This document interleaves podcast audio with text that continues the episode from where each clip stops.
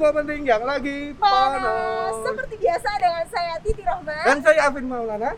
Ya, kita kali ini ada di Semarang, tepatnya di Taman Indonesia Kaya. Kenapa kita di Semarang? Kenapa? nggak? Nggak tahu. Karena kita sudah janjian dengan narasumber yang Wow. sangat spesial. Penasaran nggak seperti apa? Yuk ikutin terus. Oke. Itu,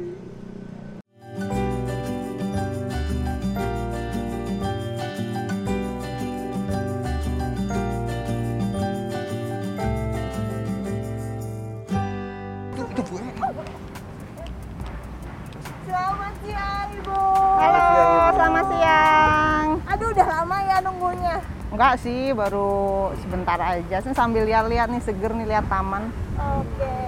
Sobat bersinar jadi ini dia narasumber kita hari ini. Sangat cantik ya ada Bu En Erliana. Iya.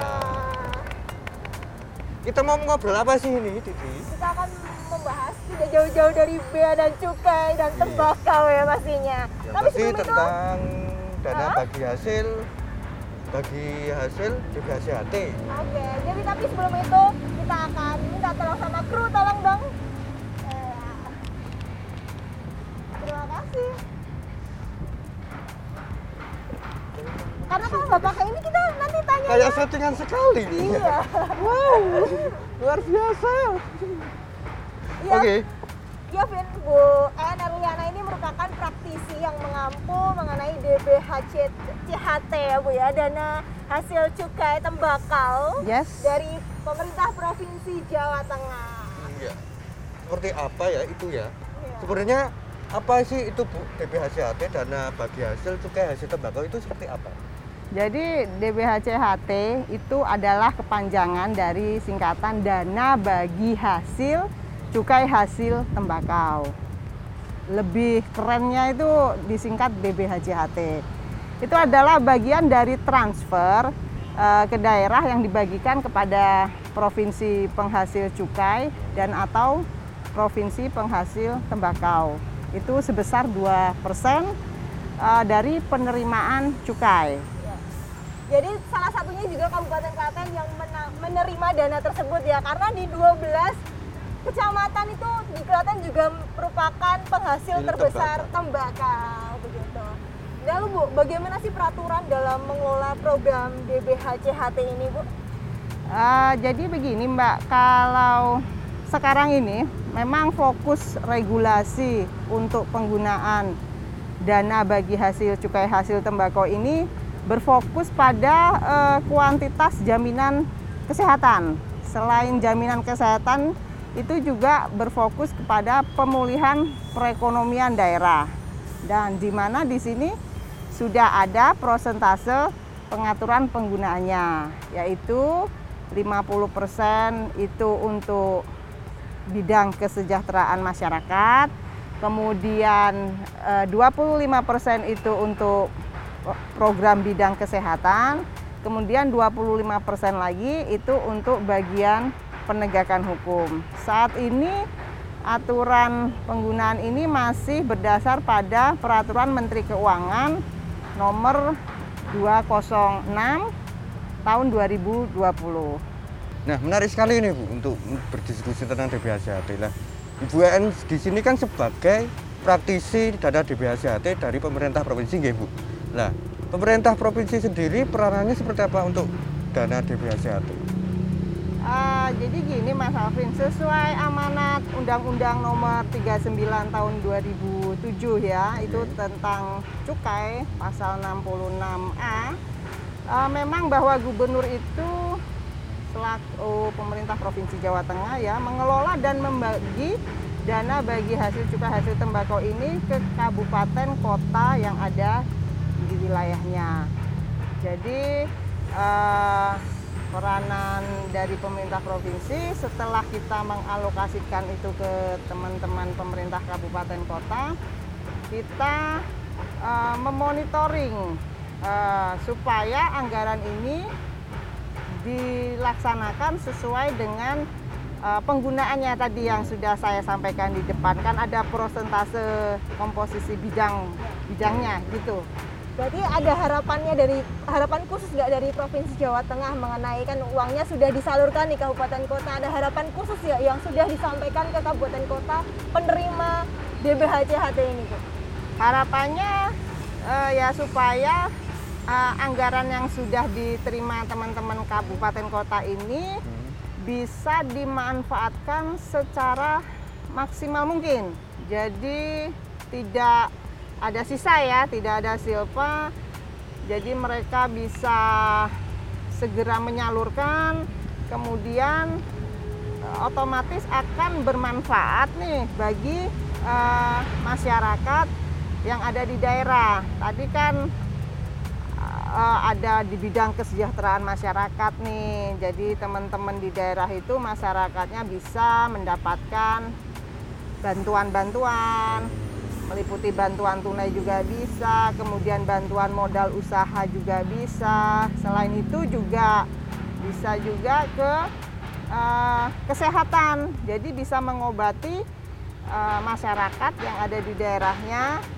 Terutama ini kan kita masih dalam rangka pandemi Covid ya, sangat Oh iya, iya. sangat bermanfaat di situ DBHJHT bisa untuk eh, Penanganan pandemi. ya? penanganan pandemi juga.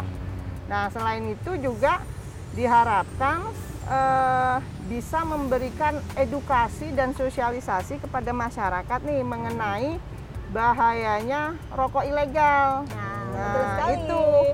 Jadi karena apa? Dengan rokok ilegal ini eh, otomatis kan akan menimbulkan kerugian negara Betul. karena tidak menambah pendapatan kepada negara. Padahal jika rokok ini legal, otomatis akan mendapatkan cukai ke negara. Oh, Dan oke. kalau misalkan pendapatan negara itu besar, otomatis insya Allah masyarakatnya kan akan juga ikut merasakan. Ya. Jadi dari negara, eh, dari masyarakat kembali ke masyarakat Nah, iya. biasa dan jangan lupa gempur rokok, Rokok ilegal. Ya seperti jalan-jalannya sudah halus-halus ini Ya. juga termasuk ya Bu. Iya. Termasuk dari dana-dana dari cukai rokok Iya. ya. Kan tidak hanya itu seperti kita ini mensosialisasikan kepada masyarakat juga termasuk ya, Oh Bu, ya. iya. Makanya gempur rokok ilegal. Ilegal.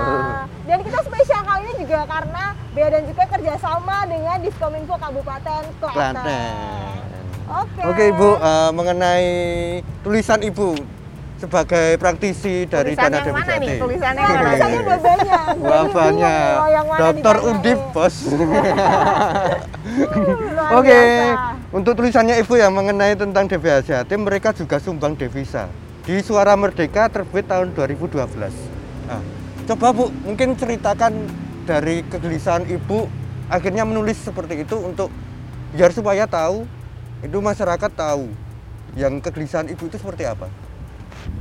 Eh, sebetulnya kaitannya dengan tulisan saya, ini saya cuma ingin memberikan informasi aja sih kepada masyarakat bahwa eh, dana cukai hasil tembakau ini ya, atau DPHJHT ini, itu juga berasal dari masyarakat loh.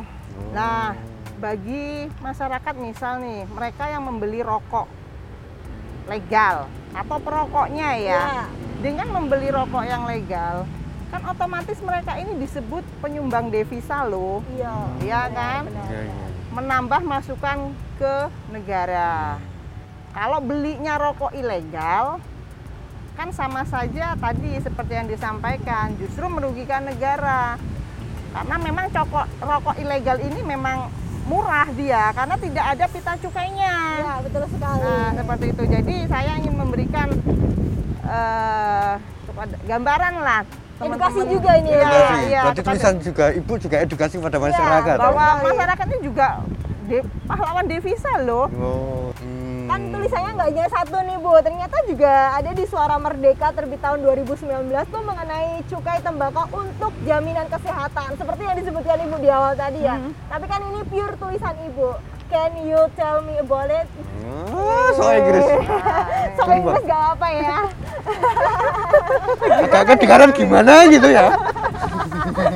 Oke Bu, mau lanjutkan Bu. Kaitannya dengan untuk kepentingan kesehatan. Nah, tadi ini rokok itu stigmanya memang biasanya nih, wah dengan merokok kan ini kesehatan nih, kontradiksi dengan kesehatan. Padahal dari dana ini juga untuk mengobati, untuk kepentingan kesehatan juga eh, apa namanya bisa untuk misalnya pembelian alat-alat kesehatan, Hmm. Ya. terus pengobatan, kemudian memberikan pelayanan kepada masyarakat termasuk iuran jaminan itu kan itu kembali lagi kepada masyarakat masyarakat nih. Iya. Yang paling terasa memang sekarang nih kita sedang tadi Mas Alvin sampaikan kan kita sedang Pandemi kena ya. pandemi nih.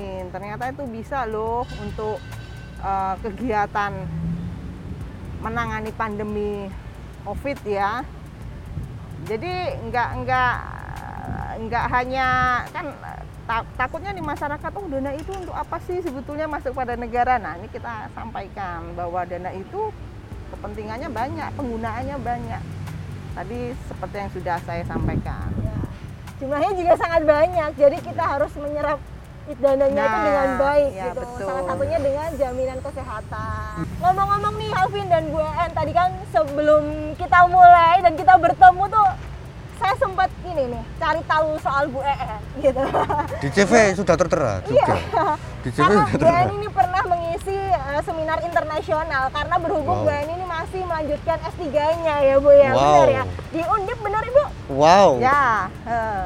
Dan luar biasanya seminar ini dihadiri oleh para negara tetangga. Jadi Bu ini sebagai pembicara mengenai tentunya nggak jauh-jauh dari DBHCHT atau Allocation of Fund for Implementation of Tobacco Product Excise di Central Java khususnya. Wow. Boleh Bu cerita tentang soal itu ya kan? Meskipun ini bahasa Inggris tapi kan ceritanya pakai bahasa Indonesia karena yang melihat kita banyak kan ba- orang Indonesia. Dan nanti kita juga kesulitan untuk translate-nya, Bu. Iya. Kalau bahasa Inggris. Jadi mohon mohon untuk dijelaskan dengan bahasa Indonesia. Mas Alvin harus menerjemahkan dulu. Iya. Iya, jadi eh, pada waktu itu saya menyampaikan tentang eh, dana bagi hasil cukai hasil tembakau ketika seminar internasional yang kemudian memang dihadiri eh, beberapa dari negara sahabat ya.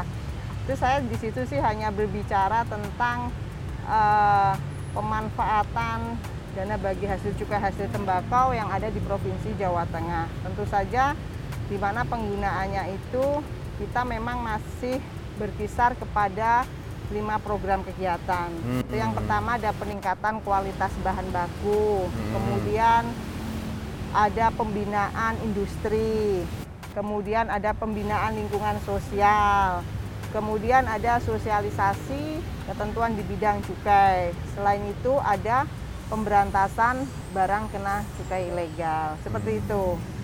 Pada saat seminar itu apakah eh, pada excited atau gimana Bu? Eh, ya iya sih, Eh, karena mungkin mereka tertarik, oh apa itu DBHCHT kan mungkin yang belum familiar kan Iya. apa, Apa sih? itu? Nah, terus oh tentang dana bagi hasil juga hasil tembakau itu apa? Untuk apa? Kan seperti itu. Oh ternyata eh, penggunaannya itu macam-macam ya. Itu mereka malah baru tahu Ada itu. feedbacknya nggak? Mungkin ada yang ngasih masukan, saran untuk Atau malah gitu. ada yang mereplikasi dari negara Ya, tetangga. Oh ternyata sekali. di Indonesia itu ada DBHCHT, terus kemudian di negara tetangga juga ikut-ikutan atau bagaimana, Bu? Eh, ya mereka memang ada juga ya rokok itu kan di negara tetangga juga Iya. ada. Ya sebetulnya prinsip hampir sama. Mm-mm. Penggunaannya mereka juga untuk kesehatan juga loh ternyata. Oh. Malahan ternyata cukai rokok di negara tetangga itu lebih mahal Oh. daripada yang ada di Di Indonesia. Iya, iya, seperti itu. Eh, apa namanya? Kalau untuk untuk apa saja, untuk apa saja kegunaannya itu ya hampir sama sih. Hmm, hampir sama ya. Luar biasa. Jadi Bu Eni udah dikenal sampai luar negeri nih. Sudah banyak linknya ya Bu ya di luar negeri negara Siapa tahu kita juga mau ikut ya. Ti. Ayo ikut Kuping ya. panas ke luar negeri. Iya, Wah. siapa tahu ya kan. Oke, Oke. eh, ini question, last question ya Bu. Waduh, last question Eh, mungkin pandangan subjektif dari ibu, pandangan pribadi dari ibu. Harapan ibu ketika mengampu sebagai praktisi DBHCHT dari Provinsi Jateng, harapan ibu pribadi. Eh, harapan saya pribadi yang pertama ya teman-teman ketika melaksanakan eh, kegiatan yang bersumber dari dana bagi hasil cukai hasil tembakau ini tetap sesuai koridor peraturan ketentuan yang ada. Karena kan dana ini juga dievaluasi nih oleh pemerintah pusat. Kita jangan sampai eh, melakukan penyimpangan ya dari ketentuan yang ada. Kemudian yang kedua eh, kegiatan untuk segera dilaksanakan nih karena biar eh, segera terrealisasi kepada masyarakat manfaatnya itu ada jadi tidak sisa nah itu sebetulnya harapan saya sih cuma itu aja Semoga tidak sisa dan tidak disalahgunakan ya lebih tepatnya seperti Yang itu. paling menakutkan itu disalahgunakan. Ya itu bahaya banget. Karena masyarakat tidak bisa merasakan. Ya. Oke, kita closing statement sudah, terus Iya. kemudian ya nutup siapa ya Titi? Aduh. Kok cepat sekali nih Bu waktunya nggak Iya. berasa ini. Nggak berasa sudah dua jam sebenarnya. Iya. banyak banget tapi nggak berasa ya cepat selesai dan terima kasih Ibu An sudah eh, meluangkan waktunya kita jauh-jauh dari Klaten ke Semarang. Iya. Semoga ini juga bermanfaat bagi masyarakat yang nonton ini. Iya. Oke untuk yang terakhir Ibu An bisa closing acara kuping panas. tetap saksikan kuping panas Kumpulan info penting yang lagi bonus. See you next time di kota-kota selanjutnya.